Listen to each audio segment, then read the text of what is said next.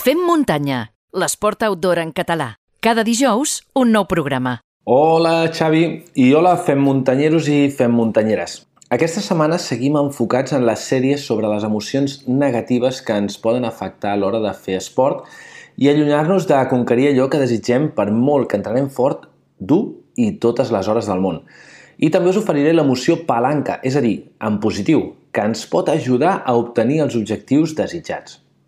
En aquest cas, deixeu-me recordar tres fets que m'han ajudat a il·lustrar aquesta segona emoció adversa. En primer lloc, just quan després del confinament es van omplir pistes, camins i muntanyes de gent que tenia la necessitat de sentir la llibertat altra vegada i aquesta resultava l'única manera de fer-ho. El segon, el segon fet són les imatges que hem vist de cims emblemàtics plens de gent fent cua per fer-se la foto de rigor. I el tercer, eh, bé, Uh, deixeu que el tercer me'l guardi per després quan us parli de l'emoció de palanca positiva. Entrem en matèria, doncs, i us parlaré de la vanitat, aquella emoció que condueix la gent a sentir-se més que els altres i que els fa adquirir uns aires de superioritat moral que pensen que els dona dret a criticar tot allò que ells consideren com a poc pur o poc autèntic. Normalment aquest sentiment es deriva de la por que té aquesta gent de perdre el que ells consideren que els identifica i que els fa sentir especials i exclusius. La realitat és que quan això succeeix, la gent vanitosa critica ferotge indiscriminadament sense adonar-se que s'allunyen del que realment els faria especials i exclusius i els faria millorar exponencialment els seus resultats.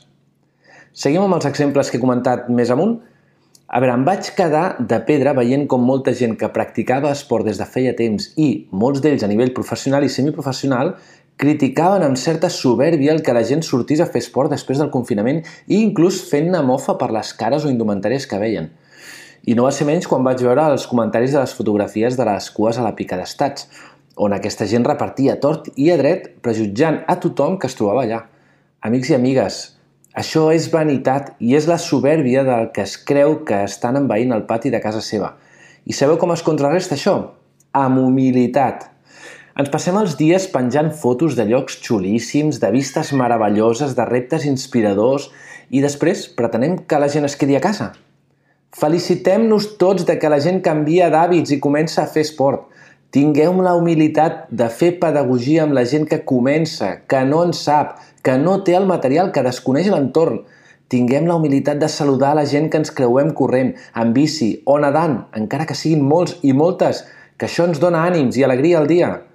Tinguem la humilitat d'entendre que la gent s'aglomera perquè a la tele sempre surten els mateixos cims i les mateixes rutes i que si donem alternatives, que a Catalunya n'hi ha moltíssimes i de molt boniques, tindrem més esportistes i menys aglomeracions.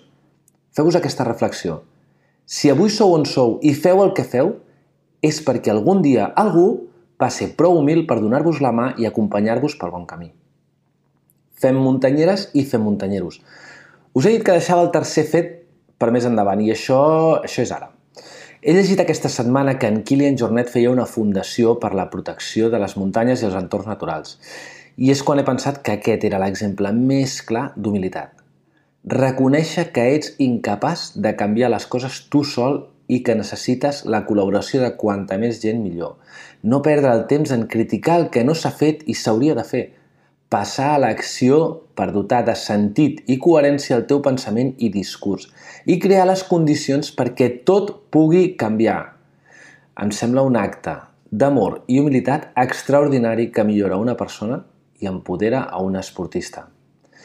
Amics i amigues, la vanitat ens permetrà omplir molts continguts d'Instagram, de Facebook, de Twitter, etc.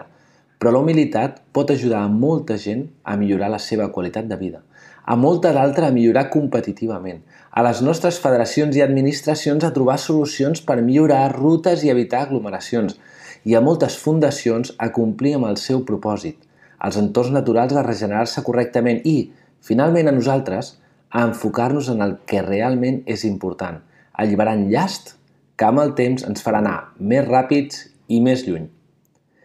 En fi, Xavi, eh, no he parlat de com fomenta l'amistat i et fa conèixer gent meravellosa a l'esport outdoor o no convencional. I a mi és una de les coses que em fan sentir més orgullós. I penso que tothom ho ha de poder viure. Ho deixarem per més endavant. Salut i fins la setmana vinent!